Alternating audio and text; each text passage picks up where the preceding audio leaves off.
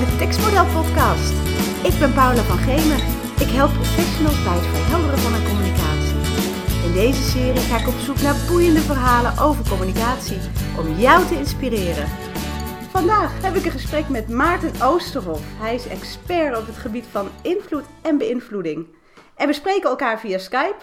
Hallo Maarten, goedenavond. Goedenavond Paula. Leuk dat je er bent. Fijn dat je me Ehm, uitgenodigd Ja, expert ben jij op het gebied van invloed en beïnvloeding. Je weet er alles vanaf.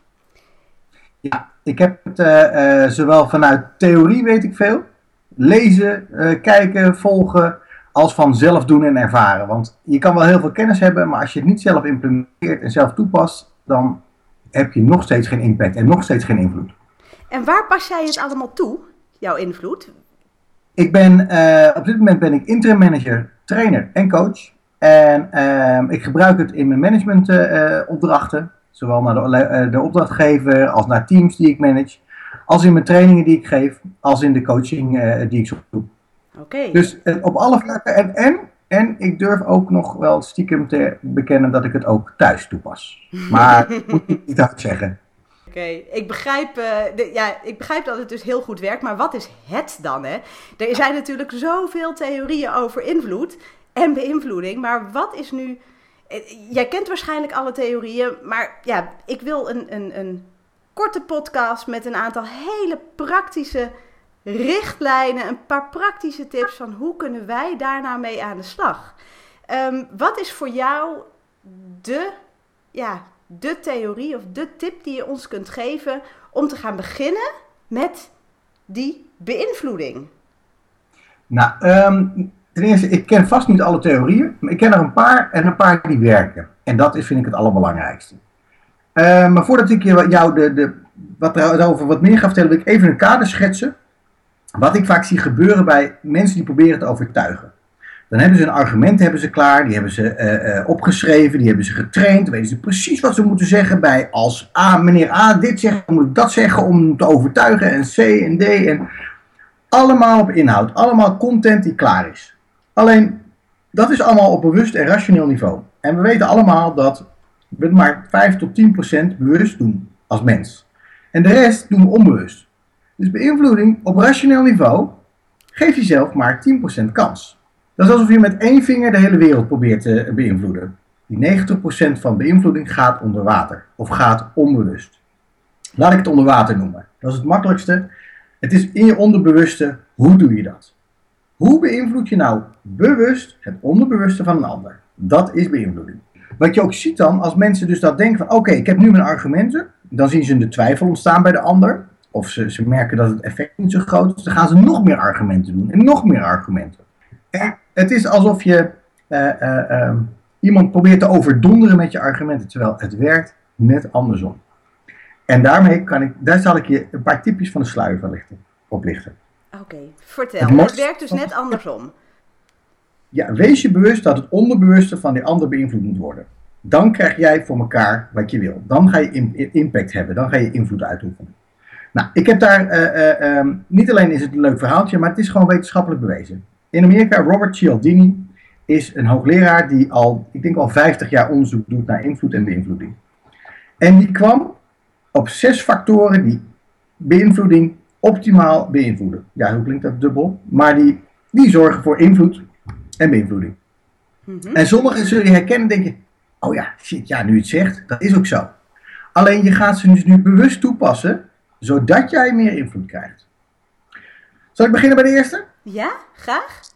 Het eerste principe wat Robert Cialdini heeft eh, beschreven heet wederkerigheid. In het Nederlands kennen we al het oude voor wat hoort wat.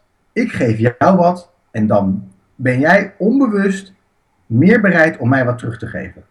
Dus het begint met weggeven. En dat kan van alles zijn. Als je nou, eh, eh, eh, ehm, je ziet het met relatiegeschenken. Ik geef jou een relatiegeschenk, of ik nodig je uit voor een voetbalwedstrijd, of ik ga jou, met jou ergens heen, of maakt me niet uit wat.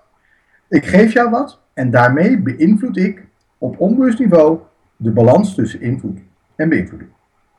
Dus ik zorg dat ik wat weggeef aan je. En dan ben jij eerder bereid wat terug te geven. Snap je wat ik daarmee bedoel? Want ik krijg iets van jou, dus wil ik iets teruggeven. Ik wil, Ja. ik wil dat dat weer klopt. Ik wil niet bij jou in het krijt staan. Nee, en het is, het is een subtiel stukje. Want stel je voor, ik, ik, eh, ik ontmoet jou voor het eerst en ik geef jou een, eh, een uitnodiging om mee te gaan naar een voetbalwedstrijd of een Olympische Spelen in Rio de Janeiro. Dat is too much. Dat voel je al meteen al van, oh, ik word omgekocht. Oké. In omkoping werkt hetzelfde. Ik geef jou wat. En daardoor ben je onbewust bereid om mij weer te geven. Dus je moet er heel voorzichtig mee spelen. En het moet ook binnen je eigen integriteit passen. Dus maar kleine dingen weggeven, als zijn het bloemen of boeken of, of wat een van de mooiste dingen is die iemand kan geven, is aandacht. Gefocuste, oprechte aandacht voor die ander. Dat voelt al als, als, als een cadeautje. Oké, dus, dus eh, die wederkerigheid, dat is het eerste principe. Het, bete- het houdt in dat jij iets weggeeft en dat je daarmee voor elkaar krijgt dat die ander jou iets wil gaan teruggeven. Als ik dat nou vertaal naar bijvoorbeeld schriftelijke communicatie, op het moment dat ik eh, ehm, een brief schrijf of een e-mail schrijf naar een klant, Ja. hoe kan ik het principe van wederkerigheid dan in die tekst krijgen? Wat je daar meer mee kan doen, is je, bijvoorbeeld je geeft iets meer dan dat iemand verwacht heeft. Iemand heeft met jou een afspraak, je krijgt een offerte, maar nee, die krijg je zo mooi met een strik erom. Of je krijgt hem met iets erbij. Of je krijgt een, eh, eh, eh, een onverwacht dingetje erbij. Of iemand heeft een artikeltje wat past bij jullie gesprek voor jou uitgezocht en erbij gevoegd. Kijk, Je, hebt, je, je geeft daarmee iets mee wat de ander niet had verwacht. Dus en daardoor iets extra's. Ja, over-deliver. Duidelijk. En daardoor, blijft die, daardoor gaat die klant, als het een offerte is, is die klant eerder geneigd om voor jou te kiezen. Of als je met een klant communiceert over, eh, eh, over een product dat hij al heeft gekocht, eh, blijft die trouw bijvoorbeeld? Ja, Oké. Jij blijft hem namelijk geven steeds wat dingen die jij, die, die jij tegenkomt die bij hem passen. En hoe oprechter en hoe passender het is, hoe beter het werkt. Dus als ik jou een gratis kaartje voor het voetballen geef, dan weet ik dat dat niet echt. Op het moment dat ik jou een artikel geef of iets eh, eh, over beïnvloeding of over tekst en beïnvloeding, dan weet ik al dat je denkt: oh wat gaaf, hij heeft, over, hij heeft aan me gedacht, hij heeft over me nagedacht en ik geef jou wat. Ja. Ongeacht wat er gebeurt, ik geef jou gewoon wat. Dus ik voeg waarde toe aan onze relatie. Wederkerigheid is, komt vanuit het principe, ik geef jou wat. En ik weet dan dat die balans beïnvloed wordt. Ja. Oké, Maar je het moet tweede punt. Ja, het tweede punt. Laten we doorgaan naar het tweede punt. Het tweede punt is, mensen houden van betrouwbaarheid, willen graag betrouwbaar overkomen. Het principe wat Robert Cialdini daarbij beschreven heeft, is commitment en consistentie. Ik wil graag consistent zijn in wat ik zeg, want dan ben ik betrouwbaar. En betrouwbaar is een grote waarde voor ons mensen. Wat we in de verkoop, en heel veel verkopers weten dat, zorg dat je in het ja-ritme zit. Want als ik drie keer ja tegen jou heb gezegd, vier keer, vijf keer, zes keer, zeven keer, acht keer, negen keer, en uiteindelijk vraag je om de orde, ben ik bijna bereid om onmiddellijk ja te zeggen. Want ik kan heel moeilijk nog een keer nee zeggen. Want ik zit in het ja-ritme. Ik ja en ik ben consistent, dus ik durf daar ook voor te gaan staan. Dus je zorgt dat als iemand daar ja kan zeggen tegen jouw vragen of jouw artikeltjes of jouw dingen of jouw gesprek, dan zorg je dat je steeds meer ja krijgt. En hoe meer jaatjes je krijgt, hoe consistenter iemand wil blijven en wil reageren. Dan krijg je iemand op dat punt waar jij hem wil hebben. Dat, Nou, dan, dan, voed je zijn consistentie en zijn, en zijn commitment. Als hij al één keer ja heeft gezegd tegen jou of tegen jouw vragen, dan is hij bereid om dat vaker te doen. En hoe meer jaartjes je hebt gekregen, hoe beter het is. Hoe meer het de balans beïnvloedt. Dus als jij, als jij, en hoe je dat textueel bijvoorbeeld kan doen, Ja. is dat in jouw tekst schrijf jij vragen of maak jij argumenten of punten die opzeggen waar iemand op zegt, ja dat klopt. Stel je voor, jij bent, ik schrijf een artikel voor moeders en jij bent moeder. Mhm. En mijn doel is om jou ja te laten zeggen tegen mijn aanbod voor eh, gezonde eh, kindervoeding. Ja. Dan kan ik beginnen en zeggen, een goede moeder wil het beste voor zijn kinderen. Ja. In deze wereld van suikers en van, van, van ongezond eten, is het, thuis is het allerbelangrijkste dat er goede voeding binnenkomt. Dan heb je al twee keer ja gezegd. ja. Jij, als, jij als, als, als, als moeder die heel bewust met kinderen omgaat, bent vast bereid om te kijken wat daar voor mogelijkheden zijn. Zeggen, ja, ik ben een be- be- bewuste moeder en ja, ik ben ook bereid om te kijken wat het beste is voor mijn kind. Ja. Oké. Je hebt natuurlijk allerlei dingen ontdekt. Ja, maar je weet de weg niet meer. Ja, dat klopt ook. Nou, ik heb voor jou een weg waarin jou veel makkelijker, sneller en goedkoper je kind goede, gezonde voeding kunt geven. Snap je wat ik bedoel? Wat ben je me nou aan het verkopen, Maarten? ik zeg gewoon nog ja ook. Geen idee wat ik heb. Maar wat ik je doe, ik breng je in een jaarritme. Dus je bevestigt iemand op wat hij denkt over zichzelf, vindt over zichzelf. En daarmee creëer je een soort jaarritme. Mooi. Nou, derde, derde principe. Ja? Sociale bewijslast. In, in deze wereld, we hebben honderdduizend impulsen per dag in signalen die we krijgen. We hebben te veel keuzes. De keuzestress wordt steeds groter. Wat je dan zoekt als mens is een, een, een veilige keuze. Ja. Wat je bijvoorbeeld in onderzoek blijkt dat als jij 15 keuzes pindakaas hebt staan, 15 potten pindakaas in de supermarkt hebt staan, en je moet gaan kiezen, weet je wat er dan gebeurt? Dan loop je weg met jam. Daar waren er maar vier van. Ja. En daar kon je tenminste gewoon de aardbeienjam kiezen, waar één merk van was. Te veel keuzes creëert dat mensen denken, joh, laat maar, want ik ben bang om verkeerd te kiezen. Nou, wat helpt met sociaal bewijs is als jouw, jouw omgeving of jouw, de mensen die jij hoog hebt zitten, vertellen dat iets goed is, of vertellen dat ze iets blij met iets zijn, dan voel jij je zeker. En dan denk je van, oké, als zij het allemaal doen, dan durf ik dat ook. Dan kan ik dat ook. Waar je het hier over hebt is reviews. Dit is bijvoorbeeld wat heel krachtig is met reviews en recensies en ervaringen van anderen die wat over jou zeggen. Of dat nou op LinkedIn is, of dat het op video is, of dat dat op. Maakt niet uit waar. Iemand die voor jou, over jou zegt: Kijk, dat was een gouden meid. Die heeft een goed verhaal voor ons neergezet. En daar kan je mee stoeien. Die kan je gewoon vragen. Als iemand tevreden is met jou, Ja. en eh, eh, dat zul je hebben. Je zult klanten hebben die tevreden met je zeggen: Joh, je bent tevreden met mij. Bij wie moet ik daar nog meer op aan tafel komen? Nou, als zij zeggen: Nou, bij die die, goed, mag ik jouw naam gebruiken? Ja. Jij belt die ander of je schrijft die ander en je zegt: Joh, ik heb van Pietje Puk gehoord dat jij ook daar en daar en daar heel erg veel aandacht aan, eh, veel belang aan hecht. Mag ik het mee? Je hebt de naam gebruikt van die ander. Dat is al sociale bewijslast. Ja. Die ander, in het slechtste geval gaat hij die ander bellen van klopt dat? Nou, dan krijg je een, een, een plusverhaal. Maar je zorgt ervoor dat je dus de, de, de power van die omgeving helpt om jou inderdaad neer te zetten. Dus referenties. En, hoe, hoe eh, dat doe je dus in je communicatie door eh, te zeggen. Eh ehm, zoveel procent van de mensen die net zo zijn als jij, hè, die kiest hiervoor. Of, eh, dus, 80%, van- 80% van de markt vindt ons vooruitstrevend eh, eh, een van de voorlopers in deze markt. Ja. En wel, wat die markt dan is, I don't know. Maar dat is wat jij kan bedenken. Ja. Wij hebben een scoringspercentage van 99% op al onze offerten naar onze klanten toe. Dat laat je dus eigenlijk zien, wij zijn heel goed in offerten schrijven. En 99% van onze klanten vindt het ook zo.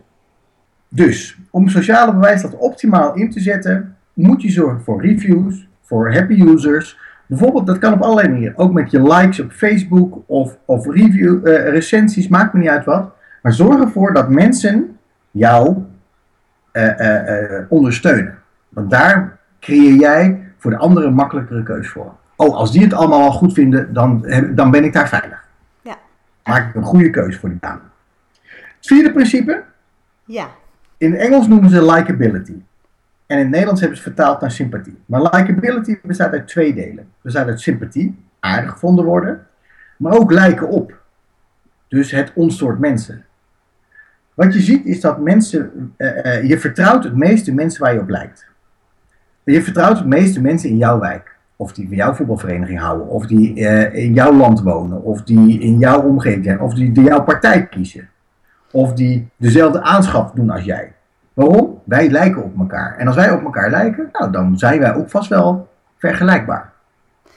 Als jij als, als, als aanbieder, als leverancier, als, als, als eh, eh, ZZP'er of als manager, zeg maar, eh, je sympathie wil, eh, je likability factor wil eh, beïnvloeden, dan moet je dus zorgen van, oké, wat is mijn doelgroep? Wie is mijn doelgroep? Wat voor taal spreken die? Wat voor woorden gebruiken die? Wat voor dingen vinden die belangrijk? Ja. Stel je voor je, en als je dat naar, naar, naar schrijftaal veel verplaatst, stel je voor, je bent producent van tandpasta. Dan moet je, als je doelgroep vrouwen is, moet je andere tekst, andere woorden, andere foto's, andere argumenten gebruiken dan als jouw doelgroep tieners is. Een moeder wil graag zijn tandpasta omdat kinderen gezond worden en gezonde tanden en mooie witte tanden hebben en niet uit de mond ruiken. Maar tieners willen zoenen. Dus die willen gewoon geen risico op een blauwtje lopen. Dus daar moeten ze een goede tandpasta voor hebben. Oké, dus je past je boodschap en de manier waarop je je boodschap brengt, pas je enorm aan aan je doelgroep. Dat is. Nee, en waarom, waarom, waarom dus eh, ons soort mensen, waarom dat werkt, psychologisch, heeft mee te maken dat het om, eh, ik vertrouw, wie vertrouw ik als meeste in de wereld, dan ben ik mezelf. Wie vertrouw ik daarna? Dat zijn mensen die op mij lijken. Die mijn taal spreken. Die dezelfde eh, belangen, waardes hebben. Dus zorg ervoor dat je als leverancier of als, als, als, als manager die taal spreekt van die ander. Dan ga je beïnvloeden. En, en taal van die ander spreken, dat betekent dus ook dat ik voor mensen die ehm, zelf hele eenvoudige taal gebruiken, dat ik daar dus ook niet met jargon aan moet komen. Nee. Die, Eh, en andersom, in sommige, sommige doelgroepen moet je juist met jargon aankomen. Anders ben je niet geloofwaardig. Als jij Jip en Janneke taal gaat gebruiken naar een doelgroep van eh hooggeleerde heerder- heren, artsen, weet ik veel, je advocaten, en je gaat het in Jip en Janneke naar hun vertellen, dat werkt niet. dus je moet de taal spreken van de doelgroep. Dat is de, Ja. dat is de likability factor. Ja, dat is één van de likability. De Eén andere van is de aardig gevonden. Ja, Aardig gevonden worden. Hoe word je aardig gevonden? Belangrijke factor weer. Aandacht aardig gevonden worden. Dat word je doordat je aandacht geeft aan die ander. Omdat je focus hebt op die ander. Omdat je vragen stelt. Omdat je je verdiept in die ander. Omdat je interesse hebt in die ander. Daardoor word je aardig. en als je aardiger wordt gevonden, dan kun je makkelijker invloed uitoefenen. Ja. Ik koop liever wat van iemand die aardig is dan van een eikel. En daar hoef je niet voor te slijmen. Gewoon oprecht aardig zijn. Want Oprecht. Oprecht vind ik wel een belangrijk woord, hè? want je ziet anders allerlei eh, lege eh, teksten ontstaan. Die alleen maar bedoeld zijn om te slijmen, maar het moet natuurlijk wel oprechte aandacht zijn. Eh, Anders prik je daar ook zo doorheen. Dat is net wat je noemt bij die, bij die wederkerigheid, anders wordt het chantage. Het, het blijkt zelfs, je- je- ik snap dat je dit zo zegt. Ja? Eh, uit wetenschappelijk onderzoek blijkt het tegendeel. Als ik jou complimenteer en jouw waardering geef, hoef ik het niet eens oprecht te vinden. Jij wordt, gelooft het toch al. De rest ziet allemaal van wat een slijmer. En wat, wat ben jij enorm aan het slijmen. De ander heeft het nauwelijks of niet in de gaten. Helaas. Oh. Ik moet voor je doorprikken. Roos Vonk heeft er een heel mooi onderzoek naar gedaan. Dus mocht je er meer over willen lezen, moet je vooral eh, eh, haar onderzoeken over slijmen en over beïnvloeding lezen. Echtheid werkt zuiverder in, in één op één contacten, maar het is niet altijd noodzakelijk. Je mag er best wat meer op opleggen. Het vijfde principe heet autoriteit. Wij van WC Eend adviseren WC Eend. Nou, dat is de, de, de humoristische insteek van dat principe van autoriteit. Ja. Feit is dat wij geloven als iemand een witte jas aan heeft, dat hij meer weet over medische eh, dingen. Ja. Onzin, de witte jas zegt niks. Net zo min als een uniform iets zegt. Alleen wij denken dat iemand doordat zijn kleding autoriteit uitstraalt, dat zijn boodschap meer waarde heeft. Dus, en dat, dat kan je fysiek doen door je kleding goed te verzorgen. En door, door, door goede schoenen te hebben, goede schoenen, weet je, door als autoriteit te staan, als expert jezelf neer te zetten. In je teksten en in je verhalen. Zorg je ervoor dat je, dat je dingen beschrijft die, waar jij kan laten zien dat je expert bent. Bijvoorbeeld, je bestaat al 25 jaar. Of je bent koninklijke de ruiter. Of eh, eh, je wordt goedgekeurd door de Vereniging van Huisvrouwen. Jang. Weet je, Oké. keurmerken, kenmerken creëren een soort autoriteit. En dan moet je oppassen dat het Nederlandse borstklopperij een beetje eh, uit de buurt blijft. Want daar zijn, we namelijk, daar zijn we namelijk allergisch voor. Ja. Als je niet jezelf op de borst wil kloppen, dan is er dus een andere oplossing, waardoor je toch als autoriteit gezien gaat worden. Nou, laat dan anderen iets over jou zeggen. Laat anderen over jou zeggen hoe goed je bent. Wat, wat je dan ook hebt, is dat je meteen sociale bewijslast beïnvloedt. Ja. Maar als anderen jou als expert neerzetten, of als autoriteit neerzetten, op een podium bijvoorbeeld, of al in een artikel, dan werkt dat. Stel je voor dat ik jouw uitnodiging voor een, voor een podcast, en ik zeg, ik heb hier de expert op het gebied van tekst en klantgericht schrijven. Ze Ja. is, ze is al, al 25 jaar bezig met het onderwerp. Ze weten alles van, van, van de hoed en de rand. Als je iemand zou willen spreken over dit onderwerp, is het Paula van Gemen. iemand anders laten vertellen. Daarmee combineer je het met de sociale bewijslast. Ja. En, en je kunt dus, dus als be- voor bedrijven is het daarom ook heel belangrijk om bijvoorbeeld mee te werken aan, eh, aan artikelen in magazines. Ja, bijvoorbeeld. Ehm, Als jij, als jij gepubliceerd wordt, is dat al in, in een, in een gezaghebbend blad of in een gezaghebbend onderzoek, dan is dat al, dan, dan draagt dat bij aan je autoriteit.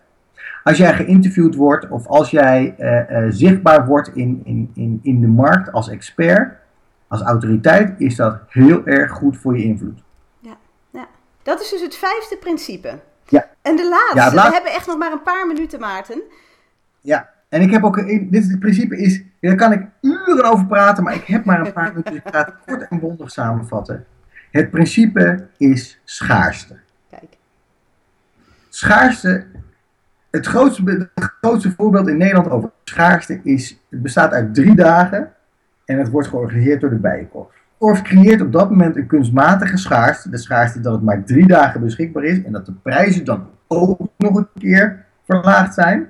En je weet wat er gebeurt. Mensen staan als een stel, stel hyena's voor de deur te wachten tot ze de, de bakken kunnen plunderen.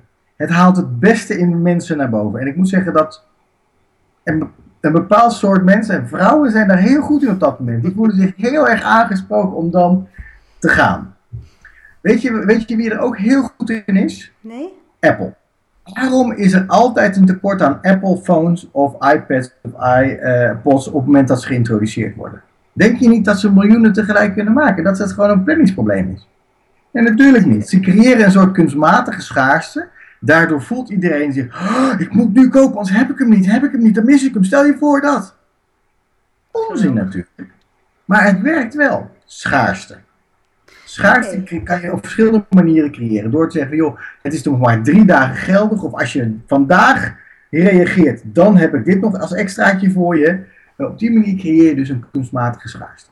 Maar als ik het heb over gewone communicatie met, met, met, met collega's onderling, met een klant. eh, eh, nou, laten we collega's onderling pakken. Hoe, hoe kun je dan gebruik maken van schaarste als beïnvloedingsstrategie? Stel je voor, er komt iemand bij je binnen en zegt, joh, ik snap dat jij graag, eh, dat, ik, dat ik even tijd voor je moet maken. Maar in mijn hele drukke agenda, weet je wat, ik maak vijf minuten tijd voor je. Over anderhalf uur. Is dat oké? Dan heb je dus aangegeven, ik heb maar heel druk, heel druk. Ik heb geen tijd voor je. Je wil graag nu antwoord, krijg je niet van me. Over anderhalf uur heb ik vijf minuten voor je. Dan denk oké, oké. Maar, kan ik het ook zeggen, zorg wel goed dat je voorbereid bent, want anders redden we het niet in die vijf minuten. Dan maak ik ook weer een schaarste, want mijn tijd is echt schaars. Daarmee maak ik het belang van onze afspraak groter. En al, alles wat ik in die vijf minuten straks tegen jou ga vertellen, gaat makkelijker naar binnen. Want ik heb mijn schaarse tijd voor jou vrijgemaakt. Ja, dat is wel heel bijzonder. Ja, en daarmee combineer je het ook gelijk weer met die wederkerigheid. Want als, als, als jij die hele schaarse vijf minuutjes die jij hebt aan mij wilt besteden, dan ben ik nog meer geneigd om jou heel erg dankbaar te zijn en iets terug te geven. Dus, dus op die manier combineer je twee strategieën. Dat kan dus ook. Ja, vooral als ik, als ik dus ook wel vijf minuten, in die vijf minuten wel waarde lever. Want daar gaat het ook om. Ja, Wat je wat een heel mooi, mooi, mooie conclusie trekt, is dat hoe meer van die, deze eh, zes factoren en principes je combineert, hoe sterker en hoe groter je beïnvloedingsfactor. Als je alleen wederkerigheid gebruikt, mis je er vijf. Als je ze alle zes gebruikt, heb je de optimale combinatie. En je mag ze zoveel mogelijk gebruiken wauw. om jouw invloed uit te oefenen.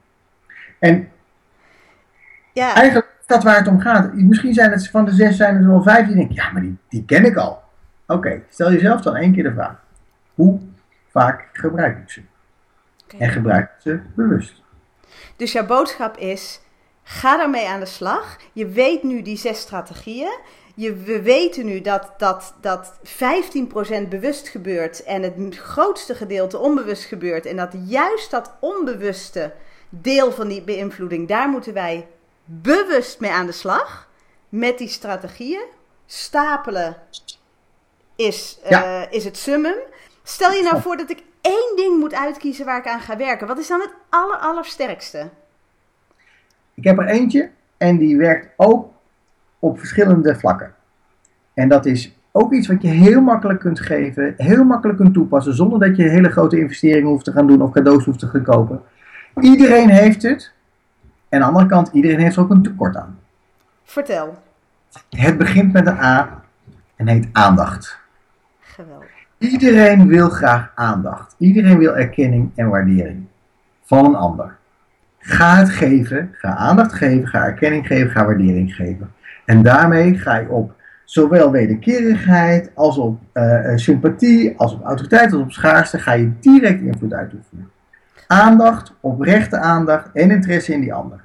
En in welke vorm? Of dat nou een gesprek is met je collega, of in een brief, of in een mailtje, of in wat dan ook. Gebruik die aandacht.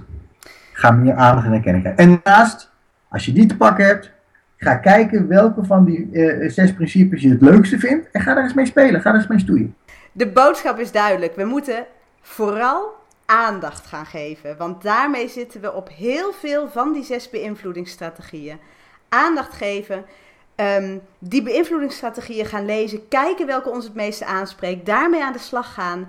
Waar kun je die lezen? In de boeken van Cialdini. Ik heb ze onder deze podcast als linkjes neergezet. En ik kan ze je aanraden. Ehm, ik heb ook het uh, artikel naar Roos Vonk hieronder uh, gelinkt.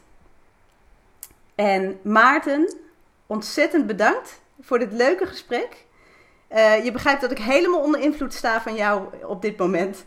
En dat ik enorm bij je in het krijt sta. Graag gedaan. Volgens mij ben jij het principe van de wederkerigheid aan het gebruiken bij me. je hebt me 30 minuten van jouw zeer schaarse tijd gegeven. Dank je wel daarvoor. Graag gedaan. En geniet ervan. En mochten jouw luisteraars vragen hebben, laat ze vooral vragen stellen. Via LinkedIn ben ik heel makkelijk te bereiken. Stel je vragen, ik kijk graag mee, want het is mijn passie, het is mijn hobby en ik wil meer en meer mensen die goed kunnen beïnvloeden en meer impact hebben. Dankjewel voor jouw uh, uitnodiging en uh, tot de volgende keer. Dag Maarten.